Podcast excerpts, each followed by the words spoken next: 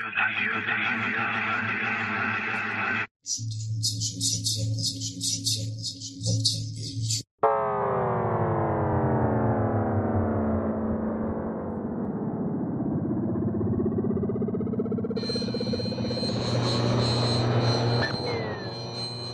Serdecznie Was zapraszam do podcastowej audycji 3600 sekund, bo chcę wiedzieć. Jest to audycja z różnych dziedzin, m.in. takich jak starożytna archeologia, psychologia, medycyna, oficjalna, jak i alternatywna. Jest to audycja mająca na celu uświadomić Tobie, drogi słuchaczu, że jest więcej niż mniej. Przedstawia mniej zagadnienia z psychologii, otoczenia człowieka, obserwacji otoczenia, biologii oraz mikrobiologii, jak i z każdej dziedziny w sposób migawkowy. To do Ciebie, drogi słuchaczu, należy, abyś przysiadł na ławeczce lub usiadł bujającym się fotelu z kubkiem ciepłej pysznej kawy i zadając pytania próbował sobie na nie odpowiedzieć na sobie własny sposób. I do tego bardzo serdecznie Cię zapraszam w tej audycji audycji 3600 sekund, bo chcę wiedzieć. Serdecznie Was pozdrawiam i zapraszam do audycji.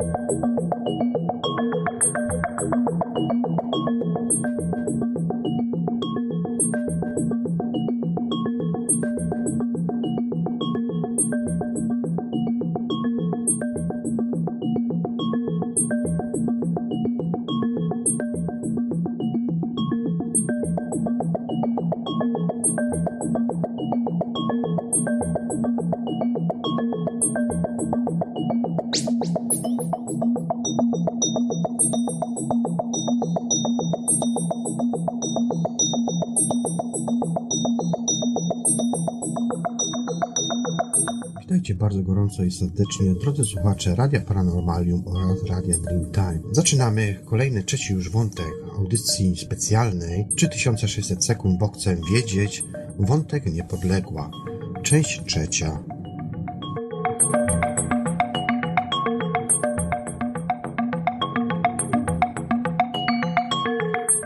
Dlaczego Żelikowski zbuntował się przeciwko Piłsudskiemu?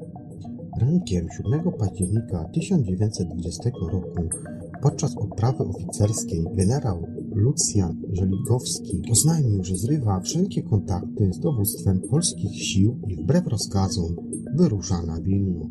Jego podwładni byli wtedy w szoku.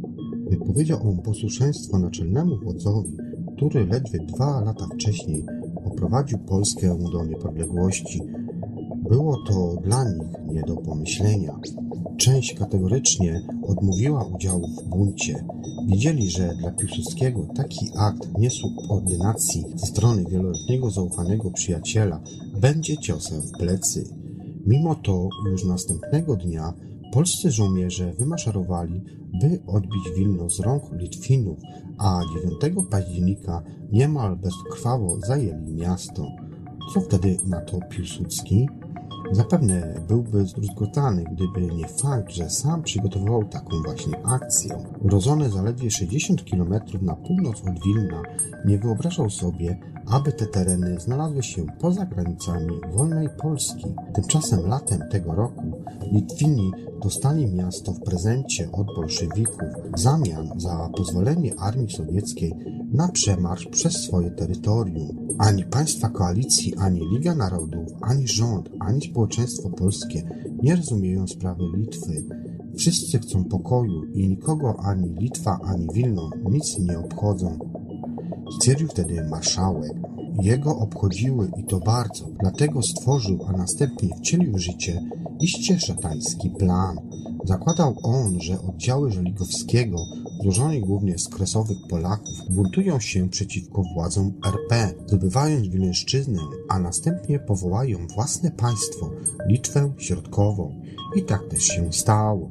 Nowy kraj objął powierzchnię ponad 13 tysięcy kilometrów kwadratowych i liczył prawie pół miliona ludności. Gdy jego sytuacja międzynarodowa mniej więcej się ustabilizowała, zorganizowano wybory do Sejmu Wileńskiego. Już wkrótce przegłosowano jednak w Warszawie uchwałę o przyłączeniu Litwy Środkowej do Polski. Piłsudski dostał czego chciał wraz z ustawą z 6 kwietnia 1922 roku o objęciu władzy państwowej nad ziemią wileńską.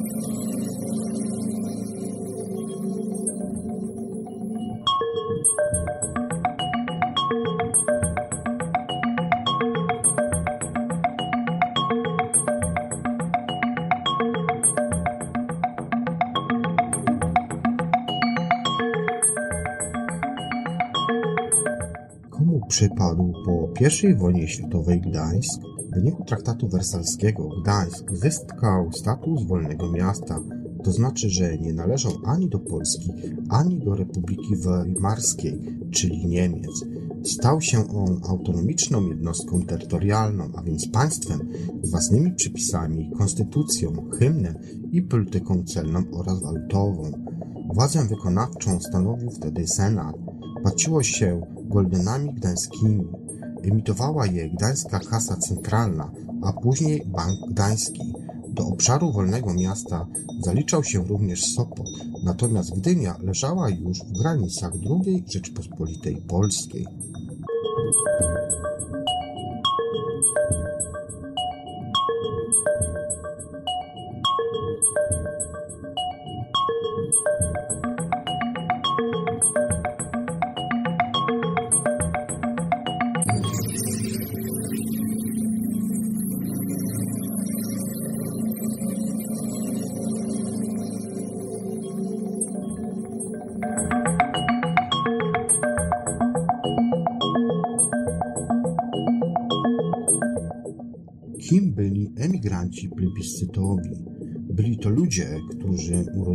Się na danym terenie, ale na nim nie zamieszkiwali.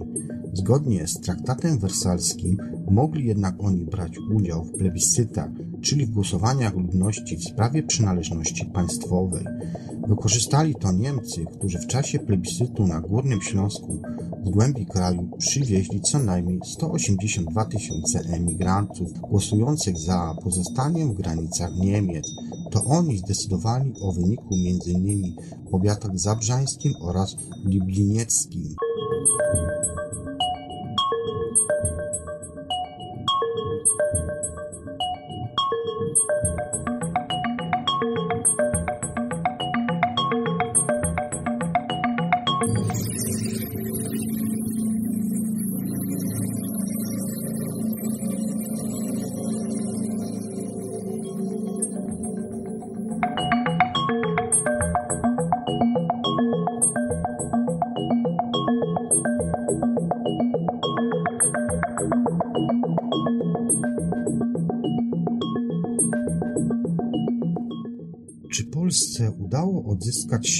Kresy Wschodnie sprzed rozbiorów? Odpowiedź mi nie, bowiem traktat ryski, który zakończy wojnę polsko-bolszewicką, uważany jest przez wielu historyków za klęskę polityczną, pomimo odniesionego wcześniej sukcesu militarnego. Odrodzona Rzeczpospolita w wyniku wspomnianego porozumienia nie zdołała odzyskać wszelkich ziem na wschodzie, które należały do państwa przed 1772 rokiem. Polska urosła terytorialnie w stosunku do tego, co miała po drugim rozbiorze z 1793 roku, natomiast straciła, jeśli weźmiemy pod uwagę stan z połowy XVII wieku.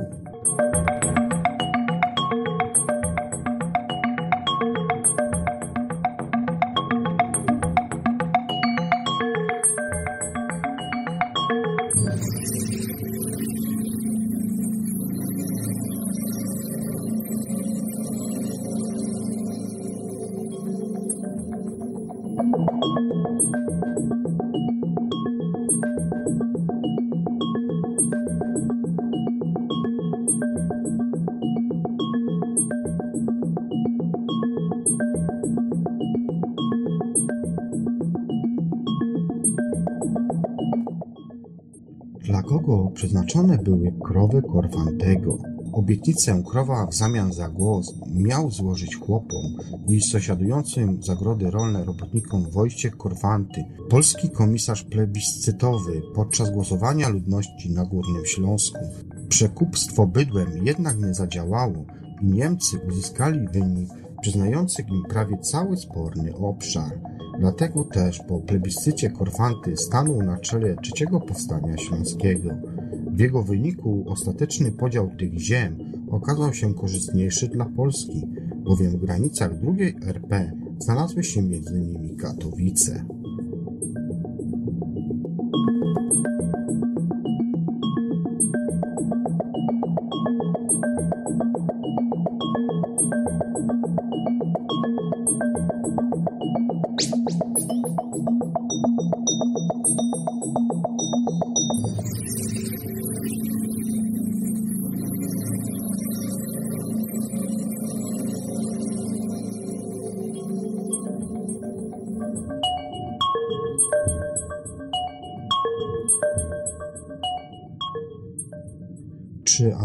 Austriacka intryga wywołała wojnę polską-ukraińską?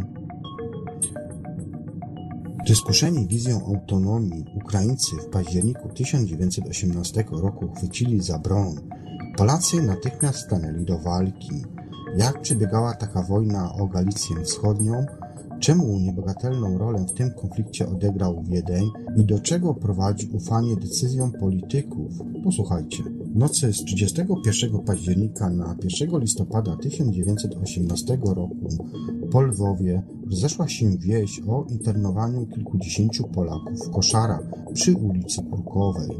Na pomoc uwięzionym legionistom pospieszył patrol działającej w podziemiu Polskiej Organizacji Wojskowej. Burzliwe patraktacje w sprawie uwolnienia żołnierzy miały wtedy tragiczny finał. Jeden z Ukraińców, pełniący wtedy służbę wartowniczą, nie wytrzymał napięcia i wyciągnął broń. Padł wtedy szczał, kula trafiła brzuch Andrzeja Battaglię. Podoficer był pierwszą ofiarą bitwy o stolicę Galicji Wschodniej, a także wojny polsko-ukraińskiej, co doprowadziło do sytuacji, w której dwa splecione wspólną historią narody wystąpiły przeciwko sobie. Austro-Węgry przystąpiły do wojny w 1914 roku z wielkimi nadziejami, bowiem Wiedeń liczył, że ewentualne zwycięstwo w zbrojnym konflikcie w końcu zażegna wewnętrzny kryzys. Olbrzymie terytorium europejskiego mocarstwa zamieszkiwały rzesze ludzi mówiące w różnych językach i mających odmienne tradycje, a mnóstwo z nich pragnęło żyć w własnym kraju. Ale z tych planów nic nie wyszło. Cztery lata później imperium było o krok od upadku, a zamiast przewidywalnej integracji wieloetnicznego społeczeństwa rozpoczął się jego rozpad. Jeszcze w październiku 1918 roku, zanim podpisano traktat wersalski, cesarz Karol I zwołał konferencję. Byli na niej obecni niemal wszyscy przedstawiciele sił politycznych domagających się niepodległości dla narodów żyjących na ziemiach Habsburgów. Zabrakło jednak Ukraińców, którzy dobrowolnie zrezygnowali z udziału w obradach. Tym czasie ich pobratymcy mieszkający na terenach podległych Rosji wykorzystali zawieruchę po rewolucji lutowej i już 9 stycznia 1918 roku proklamowali w Kijowie suwerenność Ukraińskiej Republiki Ludowej, w skrócie URL. Część narodu znajdująca się pod berłem austriackim miała mniejsze oczekiwania. Tamtejsi liderzy polityczni w lojalności wobec Karola I upatrywali szansę na powołanie autonomicznego państwa w ramach cesarstwa. Za namową i przy cichym poparciu Austrii, która nie chciała tracić Galicji Wschodniej, postanowili zbrojnie upomnieć się o swoje prawa. Aby pokazać, kto rządzi na tym obszarze, w pierwszej kolejności musieli przejąć władzę w stolicy Galicji Wschodniej, czyli w Lwowie. Ponad 20-tysięcznym Lwowie więcej niż połowa mieszkańców stanowili nasi rodacy. Ukraińców było prawie 40 tysięcy. Obie nacje nie tworzyły w mieście narodowych pękla. Swoje najważniejsze instytucje lokowały w śródmieściu, nierzadko w bliskim sąsiedztwie. Na marginesie znajdowała się na temat niemal 60-tysięczna zbiorowość żydowska. Według zamierzeń naszych przywódców po zakończeniu wojny Galicja Wschodnia miała stać się jedną z dzielnic odradzającej się Rzeczypospolitej Polskiej. W sierpniu 1918 roku w trakcie audiencji u Karola I przedstawiciele koła polskiego w austriackim parlamencie wymogli na cesarzu deklarację, iż nie będzie on rozpatrywał podziału tego terytorium pomiędzy dwa narody. Dla Ukraińców był to jasny sygnał. Jeśli nic nie zrobią, mogą bezpowrotnie utracić ziemię, które uznawali za swoje. Postanowili więc działać. Był 19 października 1918 roku, gdy na placu Świętego Jura w Lwowie członkowie Ukraińskiej Rady Narodowej URN ogłosili powstanie Zachodnio-Ukraińskiej Republiki Ludowej, w skrócie ZURL, jednak deklaracja nie wywołała żadnej reakcji wśród polskich polityków w Warszawie.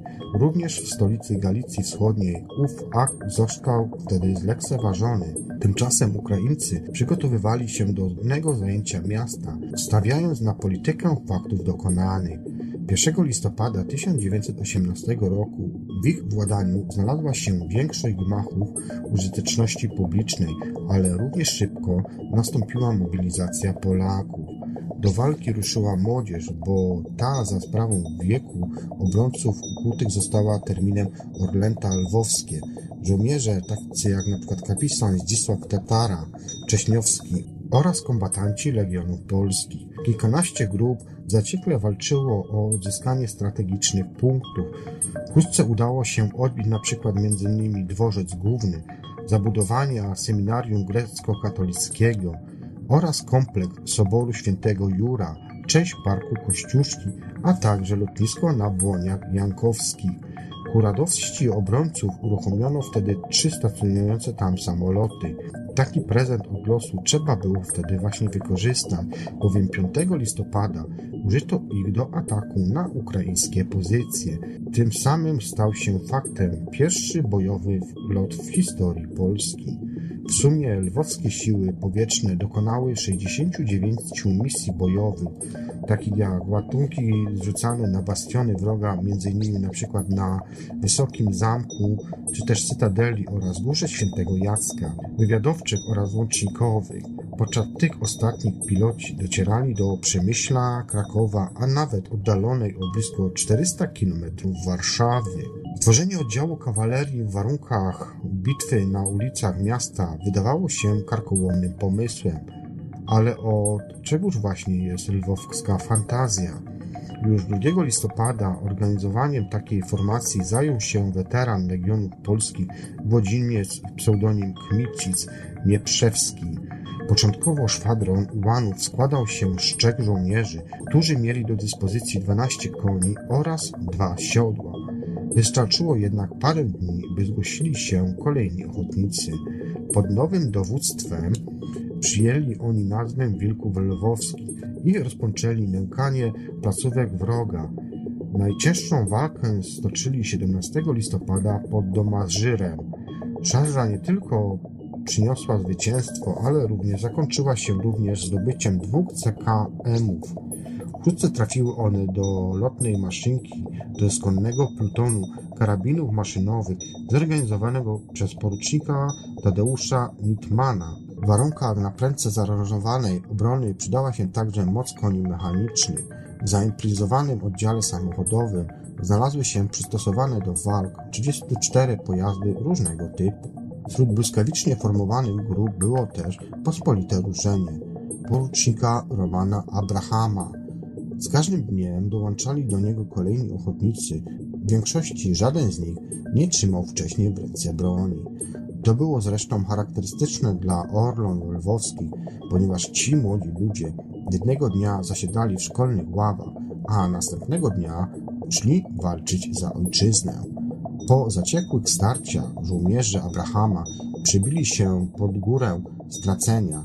To był taki strategiczny punkt na mapie miasta. Opanowanie miejsca, gdzie od XV wieku dokonywano egzekucji, dawało możliwość uderzenia na najważniejsze obiekty w sercu stolicy Galicji Wschodniej. 3 listopada dowódca dał rozkaz ataku i wraz ze swoją grupą Zdobył on wzniesienie. Następnie oficer przystąpił do organizowania podwładnych, tym samym dając początek oddziałowi straceńców. Podzielił ich na plutony, mianował dowódców i przydzielił placówki do obsadzenia. Nazajutrz po otrzymaniu rozkazu szturmu na dworzec główny pozostawił na lwowskiej Golgocie pięcioosobową grupę, a z resztą podkomendnych ruszył do natarcia. Pod nieobecność większych sił wzgórze na krótko przyjęli Ukraińcy, lecz po powrocie z misji straceńcy je odzyskali i nie oddali przyczółku w ręce przeciwnika, aż do końca bitwy o miasto. Kilka dni przed finałem walk o stolicę Galicji Wschodniej naczelne dowództwo nadało odznaczenia poszczególnym oddziałom, Straceńcy umieścili na lewym ramieniu naszywki z trupią czaszką i literami GS, które odnosiły się do góry stracenia. Do ostatecznego wyzwolenia miasta doszło dzięki odcieczy, która 19 listopada wyruszyła z Przemyśla pod dowództwem Michała Karaszewicza do Karzewskiego. By do tego doszło, Polacy musieli jednak stoczyć jeszcze ciężkie boje, które nie zakończyłyby się powodzeniem, gdyby nie zaskakująca broń. Ukraińcy rozpoczęli walkę o Przemyśl 29 października 1918 roku. Już następnego dnia zajęli oni koszary oraz internowali żołnierzy pochodzenia nieukraińskiego. W nocy z 3 na 4 listopada zaangażowane oddziały ochotników wroga opanowały prawobrzeżną część miast i aresztowały m.in. nowo mianowanego komendanta generała Stanisława Puchalskiego, a wraz z grupą oficerów niewoli uniknął jego szef sztabu, późniejszy premier II Rzeczpospolitej Władysław Sikorski, który w kryzysowej sytuacji objął dowództwo obrony zachodniej części miasta, a potem ewakuował się do Krakowa.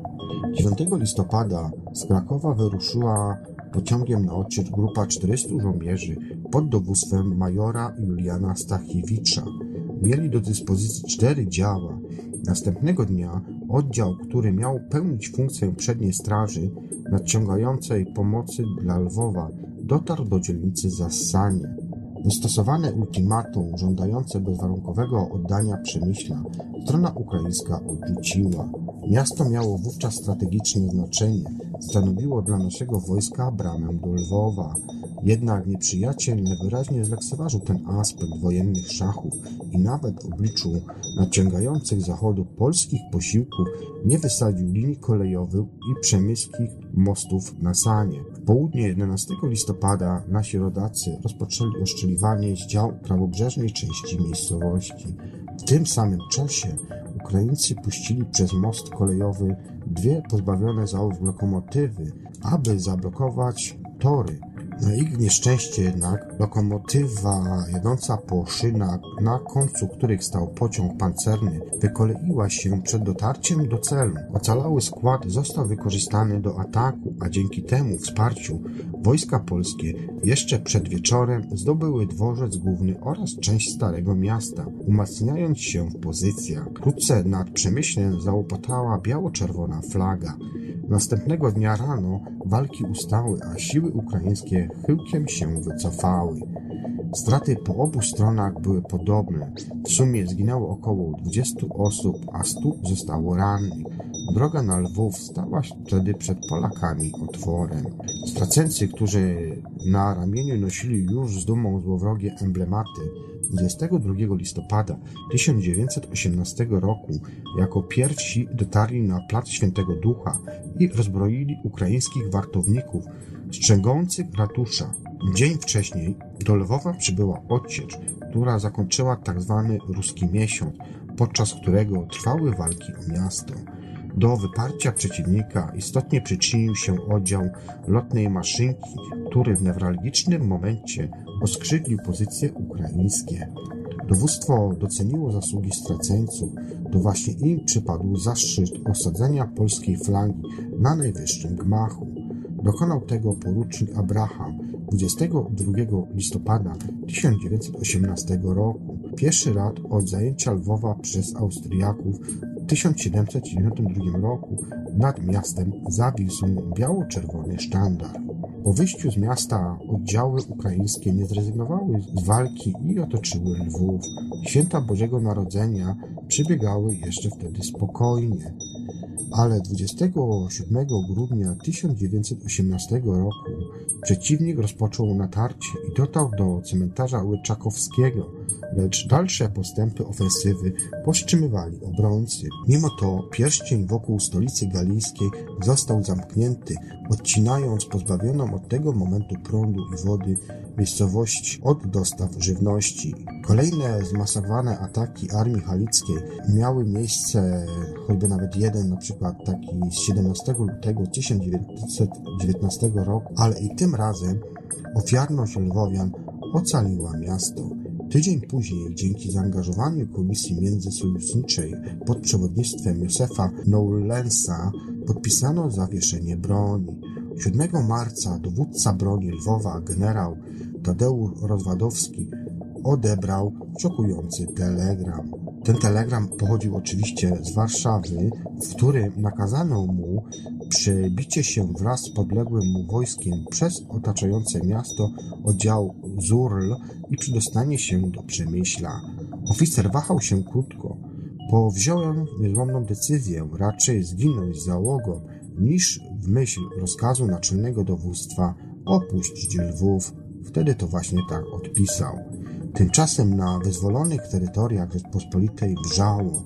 Polacy podziwiali zaciekłą postawę obrońców Lwowa i nie rozumieli, dlaczego naczelne dowództwo nie wysyła posiłków, by wspomóc kresowych bohaterów. Gdy w kwietniu do II Rzeczpospolitej Polskiej przybyła armia Hallera, Sztab Generalny w końcu zdecydował, by ruszyła odsiecz. Decyzję o ofensywie Józef Piłsudski, wcześniej zwolennik idei Federacji Odrodzonej Ojczyzny Białorusią, Litwą oraz Ukrainą, podjął po pomyślnym zakończeniu operacji wileńskiej. Ustanawiając granicę na Bruczu, planował on osiągnąć kilka celów, m.in. spełnić oczekiwania społeczeństwa, uzyskać poparcie Endencji, która od miesiąca domagała się rozprawienia Zurl oraz udowodnić aliantom, iż Rzeczpospolita na mapie świata jest podmiotem w stosunkach międzynarodowych i mając sprawdzone w bojach siły zbrojne, może powstrzymać przyszły pochód Armii Czerwonej. Poza tym zlikwidowanie zachodniej Ukraińskiej Republiki Ludowej otwierało drogę dla dialogu z Polską przywódcy URL Szymonowi Petlurze. Na wysłanie do boju Błękitnej Armii dyskretną zgodę wyraził Paryż. Generał Tadeusz Rozwadowski 10 maja 1919 roku nadał ze stolicy kraju nadzakwaną depeszę, w której informował naczelne dowództwo, iż jego francuscy rozmówcy sugerują rozpoczęcie ofensywy przez Chambord i prowadzenie polityki faktów dokonanych. Ofensywa rozpoczęła się wiosną 1919 roku. Już po kilku dniach nasze wojska opanowały Borysławsko-Drochobyckie zagłębie naftowe. Za poparcie sprawy polskiej Francuzi otrzymali później koncesję na wydobycie ropy na tych terenach.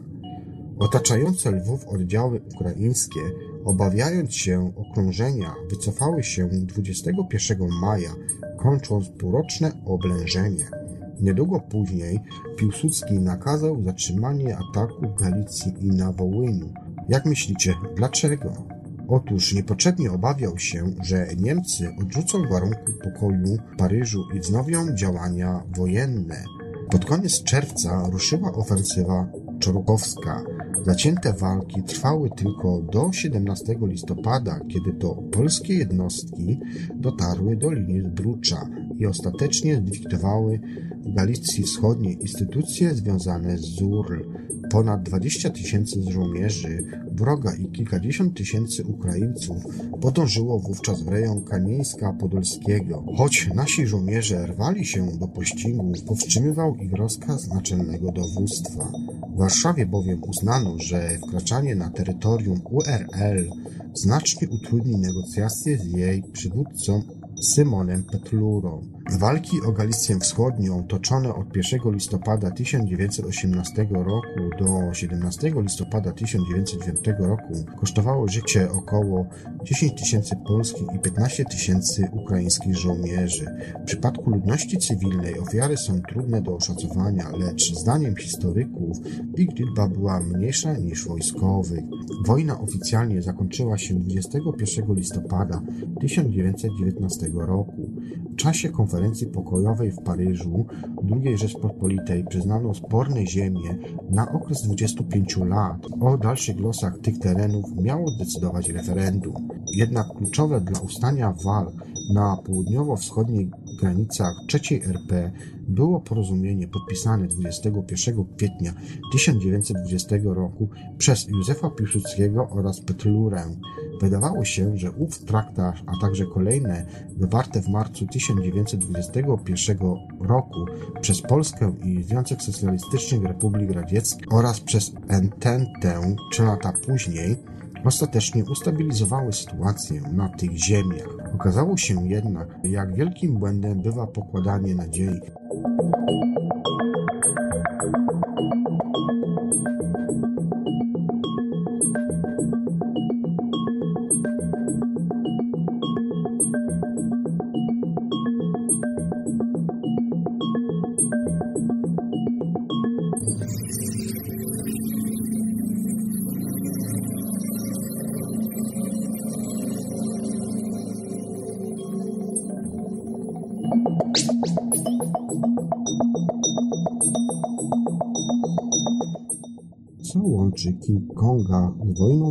Polsko-bolszewicką? Wydaje się to śmieszne, ale posłuchajcie. To pozornie absurdalne zestawienie znajduje wspólny mianownik osobie Mariana Coopera, amerykańskiego lotnika i twórcy siódmej eskadry myśliwskiej, walczącej po polskiej stronie przeciwko bolszewikom. Ten sam człowiek kilkanaście lat później przeszedł do historii kina jako reżyser King Konga, ale życiorys Amerykanina również nadaje się na scenariusz hollywoodzkiego hitu. Żołnierz, poszukiwacz przygód, wizjoner, uwodziciel, bohater licznych romansów i skandali, a do tego reżyser oraz miłośnik Polski. Wszystkie te określenia odnoszą się do niezwykle barwnej postaci Mariana Coopera. Urodził się on w 1893 roku w Jacksonville na Florydzie. Próbował szczęścia w Akademii Marynarki Wojennej, ale szybko ją porzucił i trafił do targanej I wojną światową Europy. Przez jakiś czas parał się dziennikarstwem. W 1919 roku wylądował z misją humanitarną w Lwowie. Tu poznał generała Tadeusza Rozwadowskiego, a że miał do spłacenia dług wdzięczności wobec Polaków, postanowił walczyć po naszej stronie toczącej się wojnie polsko-bolszewickiej. Wszystko dlatego, że w rodzinie Kopera żywa była pamięć o bohaterskich Polakach przylewających krew za wolność Stanów Zjednoczonych. Jego prapradziad bił się ramię w ramię z Kazimierzem Pułaskim. Pamięć o braterstwie broni przesądziła, Koper jako zaledwie 26-letni mężczyzna zaangażował się w wojnę z bolszewikami. Zaproponował swoje usługi jako oficer lotnictwa i nawet spotkał się w tej sprawie z marszałkiem Piłsudskim, który ostatecznie zgodził się, aby powstała siódma eskadra myśliwska imienia Tadeusza Kościuszki. Koper jako pilot samolotu bojowego brał udział m.in. w wyprawie kijowskiej w 1920 roku. Nalotami nękał regularnie armię konną Siemona Budionego. Przed samą bitwą warszawską w lipcu 1920 roku bohaterski Amerykanin został strącony i trafił do niewoli radzieckiej. Jako jeniec znalazł się on w Moskwie, ale przy pomocy dwóch innych więźniów polskich oficerów uciekł. Razem pokonali 700 kilometrów piechotą i zdołali dostać się nad Wisłę. Po wojnie z bolszewikami Koper wrócił do Stanów Zjednoczonych, gdzie zrobił karierę filmową, między innymi jako reżyser słynnego King Konga. Dziś na tablicy w Alei Gwiazd Hollywood widnieje jego nazwisko polskiego bohatera wojennego.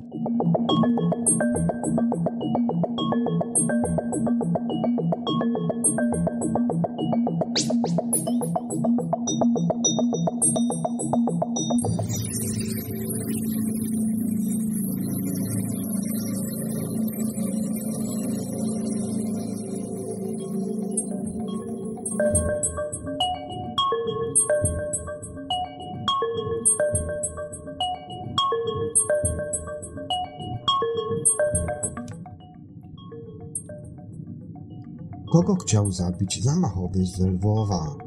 Druga RP zaczynała swoje istnienie w tlącym się konflikcie narodowościowym i terytorialnym, zwłaszcza na ukraińskich Kresach. Symptomem tego była próba zamachu na Józefa Piłsudskiego w Lwowie we wrześniu 1921 roku. Dwudziestoletni ukraiński nacjonalista Stepan Feda trzy razy wystrzelił do otwartej limuzyny. Naczelnik odruchowo się odchylił, natomiast kule raniły wojewodę lwowskiego Kazimierza Grabowskiego. Zamachowiec został wtedy ujęty i niemal zliczowany przez tłum. Skazano go na sześć lat więzienia.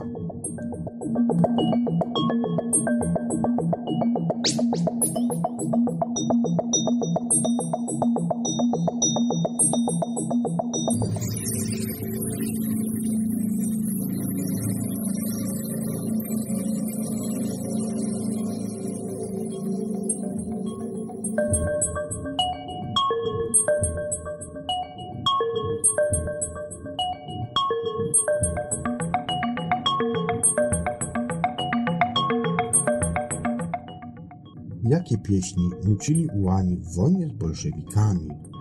Były to tak zwane żurawiejki, czyli krótkie, żartobliwe przyśpiewki układane przez ułanów i szwole żerów. Żurawiejki w sposób humorystyczny, a czasem nieco rubaszny opowiadały o żołnierskim życiu, piły z wrogów oraz chwaliły zwycięstwa poszczególnych oddziałów. W 1920 roku upowszechniło się referendum tych kupletów. Lance do boju, szable w dłoń, bolszewicka goń, goń, goń. W okresie międzywojennym polska kawaleria składała się z czterech dywizji, pięciu samodzielnych brygad i trzech dywizjonów artylerii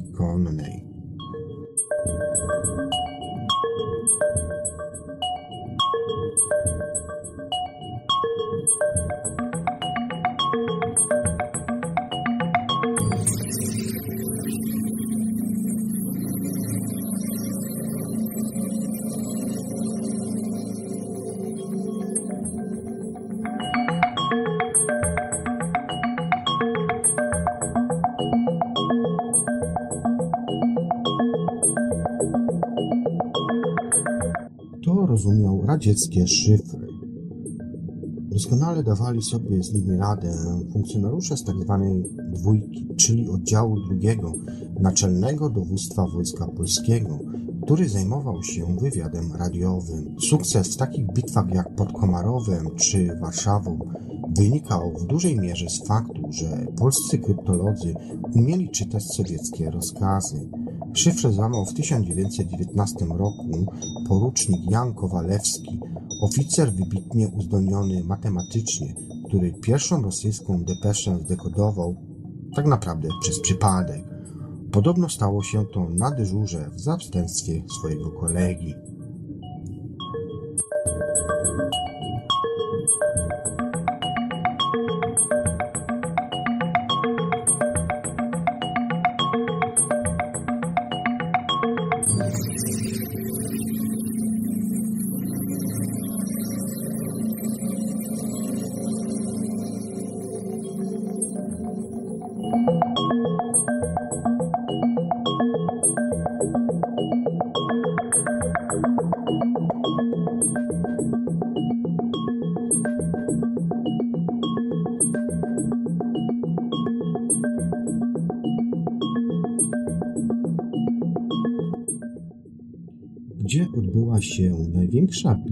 Powstańców śląskich.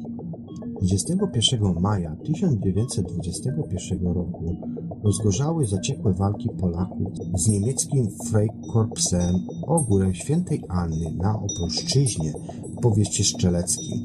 Trwało właśnie trzecie powstanie śląskie, które wybuchło po fałszerstwach głosowania plebiscytowego na Śląsku.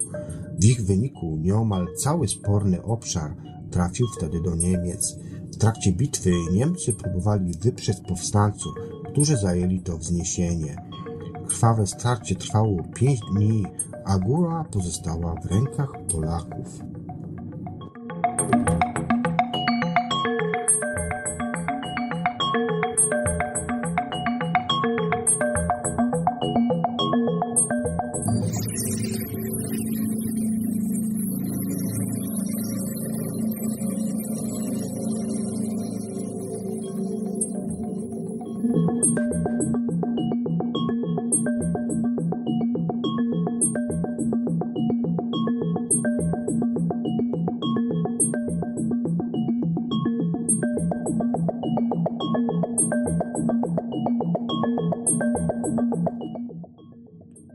Kiedy formalnie odrodziła się wolna Polska. Stało się to w sali luszczanej Pałacu Wersalskiego.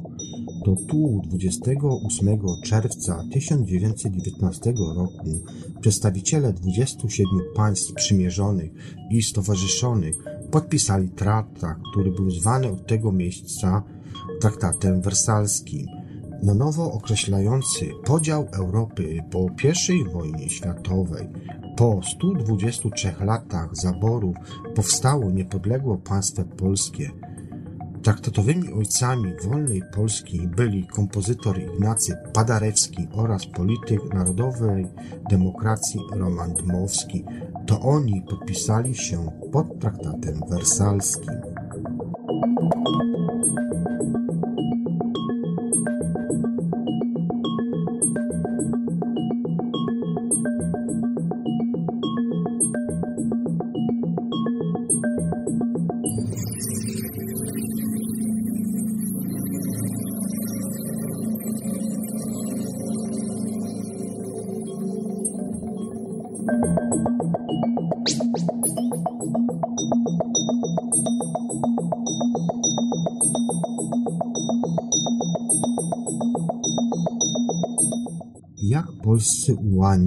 Rozgromili armię Budonego.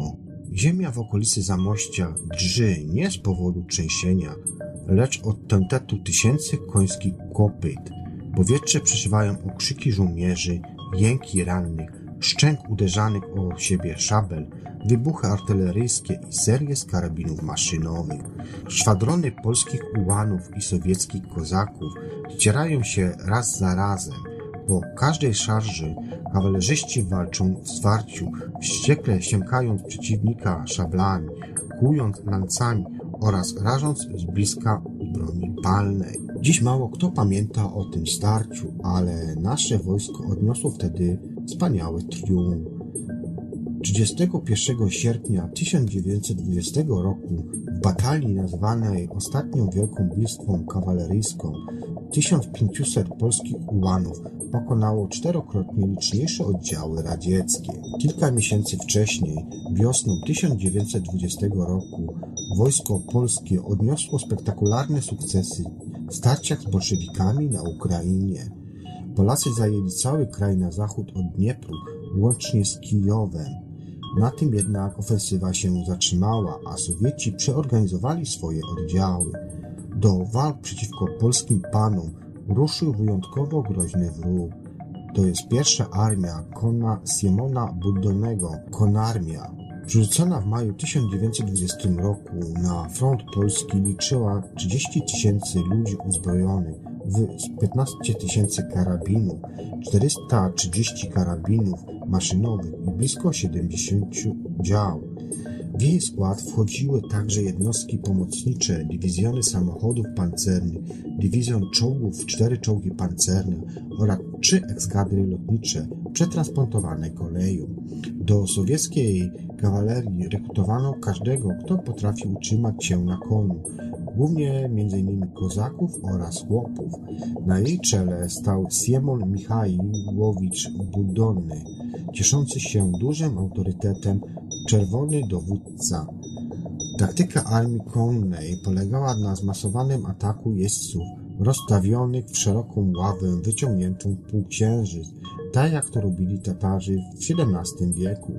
Do tego też Sowieci używali taczanych, czyli bryczek, zamontowanymi ciężkimi karabinami maszynowymi Maxima. Już 5 czerwca 1920 roku silnym uderzeniem konarmia przełamała polskie linie w rejonie Sanchorodka. Kilka dni później Polacy zostali zmuszeni do ucieczki z Kijowa. Bolszewicka kawaleria posuwała się błyskawicznie, a wokół kozaków Budonnego narastała złowroga legenda. Przeciwnik wykazywał się zatrważającym okrucieństwem. Konarmiści palili, rabowali i gwałcili, m.in. w Berdyczowie, puścili z dymy szpital z 600 rannymi oraz siostrami Czerwonego Krzyża. 17 sierpnia 1920 roku kawalerzyści Budonnego rozpoczęli walki o Lwów. Na przedpolach miasta przeciw nim stanęło 330 obrońców, głównie młodzież. Bitwa, znana wtedy polskim termolinami, trwała aż 11 godzin. Polacy mimo wielokrotnej przewagi sił wroga bronili się wyjątkowo zaciekle. Prawie wszyscy w tym momencie jednak zginęli. Po złamaniu ich oporu Budonny nie kontynuował jednak natarcia na Lwów i ruszył z ocieczą dla głównej armii sowieckiej dowodzonej przez Michaiła Tuchaczewskiego. Bolszewicy pobici w bitwie warszawskiej musieli się cofnąć. Wsparcie kawalerii Budonnego miało zastopować kontrofensywę Polaków i ostatecznie przesądzić o zwycięstwie. Naczelne dowództwo Rzeczpospolitej zdawało sobie sprawę, że jeśli konica dotrze na czas do Tuchaczewskiego, losy całej wojny polsko-bolszewickiej zawisną na włosku. 20-10 sierpnia licząca 7 tysięcy żołnierzy armia konna dotarła do Zamościa. Budonny miał nadzieję, że uda mu się zająć miasto z marszu. Natknął się jednak na opór ze strony 31 Pułku Szczelców Kaniowskich, wspomaganego przez ukraińską 6 Dywizję Szczelców Siczowych oraz cywilów. Zamość został przekształcony nieomal w twierdzę. Dzięki dzielnej postawie obrońców walki trwały zaledwie dwa dni. To pozwoliło zdążyć polskiej kawalerii. Rankiem 31 sierpnia 1920 roku konarmia została osaczona z trzech stron. Od zachodu drogę zamykała jej załoga Zamościa. Od północy blokowała ją druga dywizja piechoty Legionu, a od południa grupa pościgowa generała Stanisława Hellera, złożonego z pierwszej dywizji jazdy pułkownika Juliusza Urumla oraz 13 dywizji piechoty. Budiony z obawy przed okrążeniem postanowił wycofać się w kierunku Hrubieszowa. Na drodze stanęła mu jedna a właściwie stanęło mu 1500 polskich ułanów i szwoleżerów. Przeciwko sobie mieli ponad 6000 kozaków i choć wrogów było czterokrotnie więcej, nasi nie zamierzali ustąpić. Polscy kawalerzyści dotarli w rejon Komarowa pod Zamościem wieczorem 30 sierpnia 1920 roku. Po długim kilkudniowym marszu w błocie oraz w strugach deszczu byli skrajnie zmęczeni, jednak już następnego ranka otrzymali rozkaz natarcia. Tak rozpoczęła się długa, wyjątkowo zażartwa bitwa, podczas której obie strony pod oszczałem karabinów i artylerii wykonały dziesiątki szarż. Zwycięstwo przechodziło z rąk do rąk. Ostatecznie triumf Polaków wobec wielokrotnie przeważających tutaj sił wroga nie byłby możliwy, gdyby nie śmiały manewr przeprowadzony przez pułkownika Henryka Brzezowskiego, dowódcę 7 Brygady Jazdy. Zaraz na początku walk rozkazał on zająć pobliskie wzgórze nr 255, tak by uzyskać przewagę taktyczną. Do boju ruszyło około 200 konnych. Sowieci również zdawali sobie sprawę, że w zdobyciu wzniesienia może tkwić klucz do sukcesu. Patrole nie doszły jednak do szczytu góry, kiedy nagle ukazały się na horyzoncie duże masy kawalerii. Wiedziałem, że pułk tak potężnego uderzenia wytrzymać nie jest w stanie i że będzie w krótkim czasie z dużymi stratami zepchnięty, a może nawet zawahać się i nawrócić przez szarżę. A jednak ta szczupa garstka szwoleżerów ani na moment się nie zawahała. Słyszę ich zdecydowany okrzyk hurra! Już tworzy się jedna sklepiona masa. Walka wręcz się rozpoczęła, tak wspominał major Rudolf Ruppel.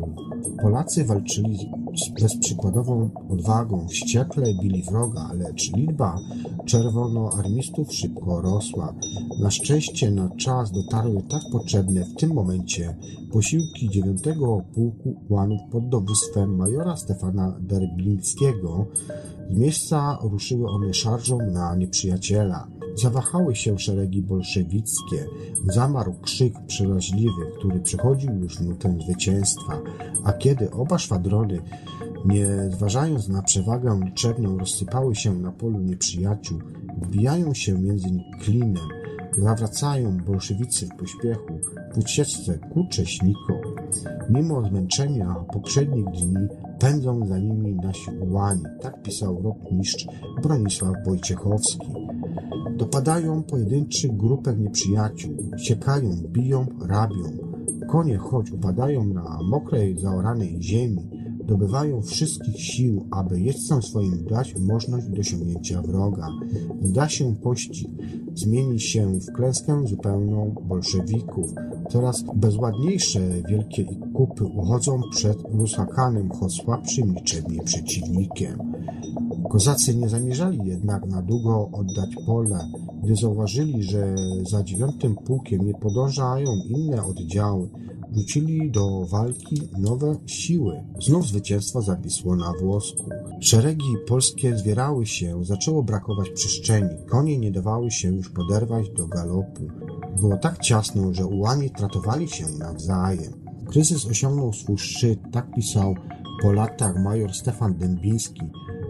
Artyleryści z opatrzonymi rękami obsługują działa. Obok istna reduta karabinów maszynowych zieje ogniem. Na przedpolu kołtuje się nadal.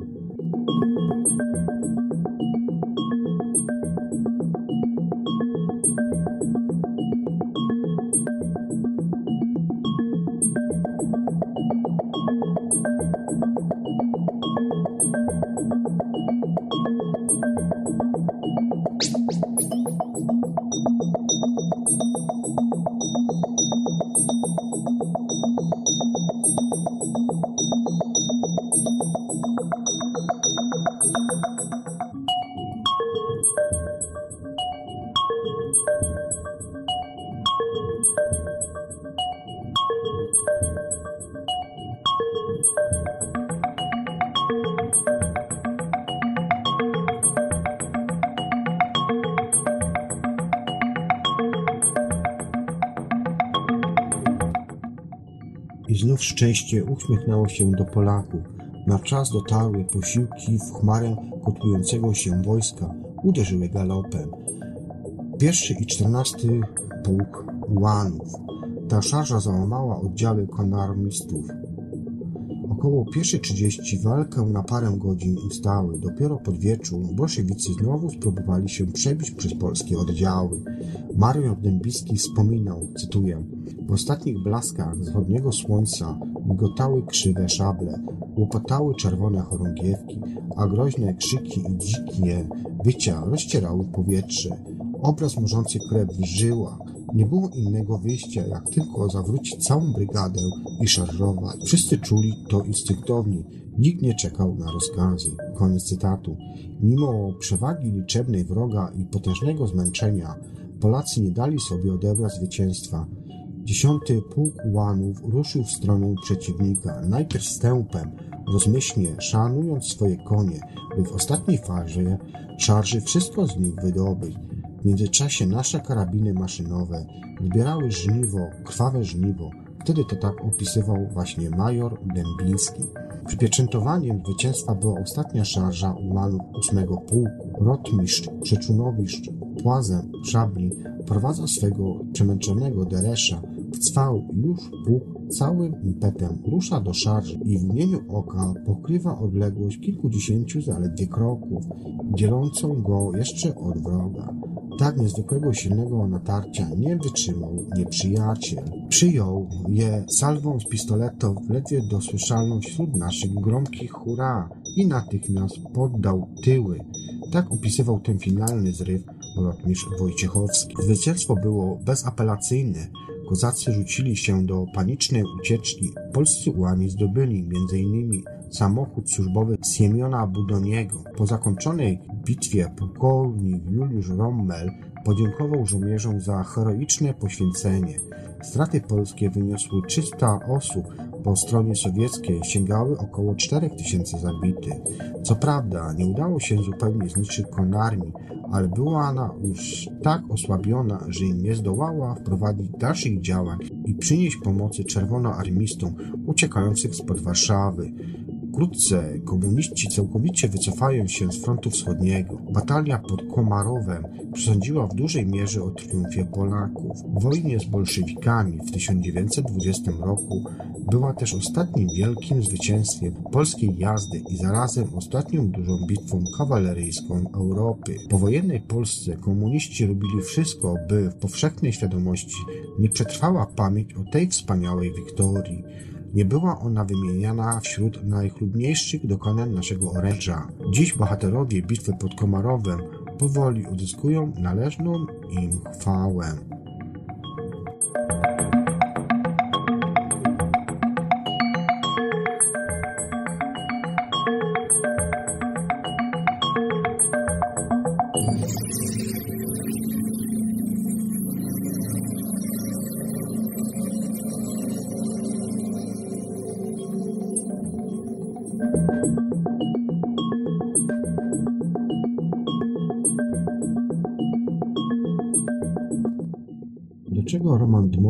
Nie stanął na czele III Rzeczpospolitej? Jeden miał za sobą błękitną armię, drugi niedawnych legionistów. Jeden domagał się czystego etnicznego państwa o jednolitej strukturze społecznej, kulturowej i wyznaniowej. Drugi marzył o wielkiej federacji narodów w Europie Środkowo-Wschodniej. Dlaczego Polska Romana Dmowskiego przegrała ostatecznie z Polską Józefa Piłsudskiego? Złożyło się na to kilka czynników. Wydawałoby się, że historia szerzej uśmiechnie się właśnie do Dmowskiego. Koncepcja wybicia się na niepodległość u boku Rosji miała poważniejsze szanse na realizację niż podejrzany układ z Austrią oraz Niemcami. A jednak cały plan spalił na panierce. Czym zatem wytłumaczyć polityczne fiasko ideologiczne polskiego nacjonalizmu? Po pierwsze, brakiem poparcia wśród elity społecznej. Był on bowiem synem prostego brukarza z warszawskiej Pragi oraz, co najważniejsze, wojskowy. Zadziałał tutaj mit brygadiera Piłsudskiego, którego legenda jako nie zdejmującego munduru człowieka zbrojnego czynu była umiejętnie pielęgnowana przez jego legionowych towarzyszy. Wykształcony cywil, znający biegle kilka języków, doktor honoris causa Uniwersytetu w Cambridge nie mógł stać się idolem politycznym w czasach wojennej zawieruchy. Po drugie, konkretna siła militarna, czyli wojsko polskie dowodzone przez Piłsudskiego, walczyło o granice Rzeczpospolitej już od roku 1918, a stworzona z inicjatywy Dmowskiego Błękitna Armia znalazła się tam dopiero w 1920 roku, kiedy władza znajdowała się już w rękach tego pierwszego. Po trzecie, i być może dotykamy tu najważniejszej kwestii, zadziałały bowiem osobiste animozje i uprzedzenia. Dmowski oraz Piłsudski, łagodnie mówiąc, ze sobą nie przepadali ale różniło ich nie tylko poglądy na temat polityki. Cieniem na ich znajomości położyła się także rywalizacja o kobietę. Roman Dmowski w młodości zabiegał o względy pierwszej damy PPS Marii Juszkiewiczowej. P.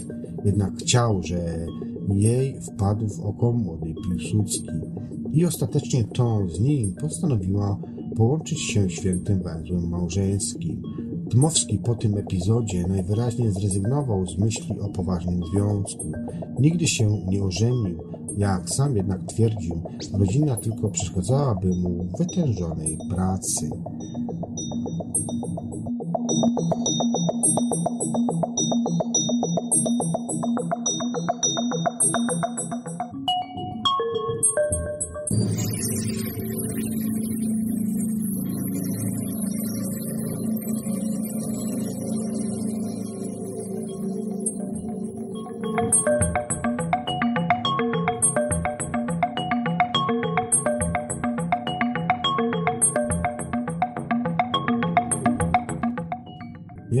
Pierwsze godło polskich oddziałów pancernych. Na lewym ramieniu kurtek i płaszczy żołnierzy wojsk pancernych w odrodzonej Polsce widniał chiński smok. Ten, trzeba przyznać, nietypowy emblemat przywieźli z Francji ochotnicy z pierwszego pułku czołgów. Haftowane złotą nicią na owalu ze skarłatnego sukna legendarne zwierzę, pokryte przecież twardą i odporną na pociski łuską, stało się symboliczną maskotką naszych czołgistów. Smok, tym razem srebrny, pojawił się także na pamiątkowych odznakach pancerniaków błękitnej armii generała Hallera, pod wizerunkiem słynnego czołgu Renaulta FT oraz później jako emblemat dla oficerów tejże formacji.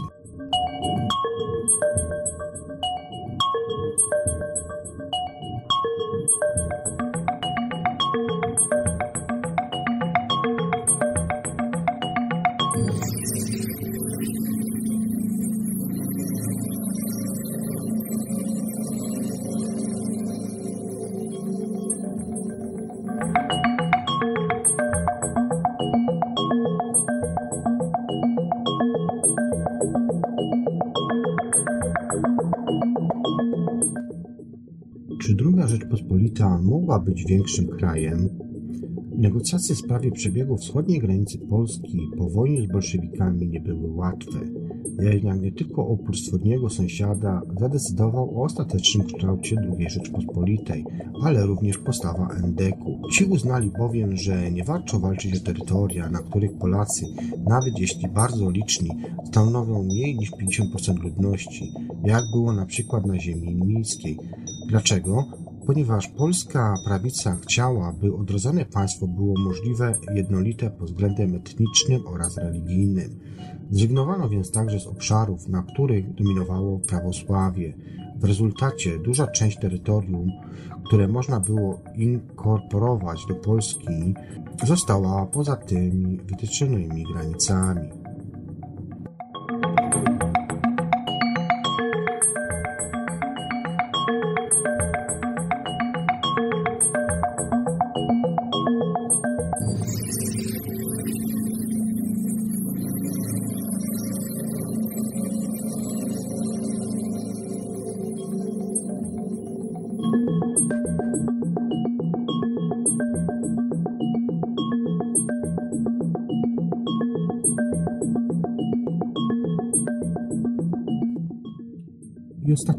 Informacja na dziś. Czym była Republika Tarnobrzeska? O niepodległości walczono na różne sposoby, także zakładając własne państwo. W taki sposób narodziła się Republika Tarnobrzeska. Na fali entuzjazmu, jaką spowodował zgon i pogrzeb nieboszczyka Austrii, 30 tysięcy chłopów z okolic Tarnobrzega 6 listopada 1918 roku powołało własne państwo, na którego czele stanął Tomasz Dąbal i ksiądz Eugeniusz Okoń. Takich wybuchów wolności było zresztą więcej. Podobne twory powstały również w Pińczowie oraz Ostrowie Wielkopolskim, jednak żaden z nich nie przetrwał jednak więcej jak kilka tygodni.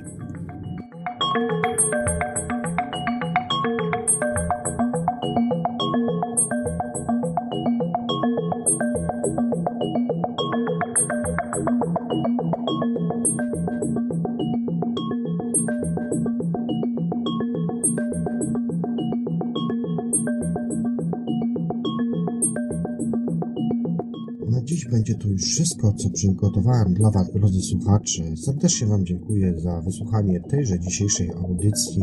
Na ostatnią część serii Niepodległa zapraszam już Was do kolejnej audycji, a tymczasem z Wami się żegnam. Życzę Wam wszystkiego najlepszego, bądźcie zdrowi i do usłyszenia w następnej audycji.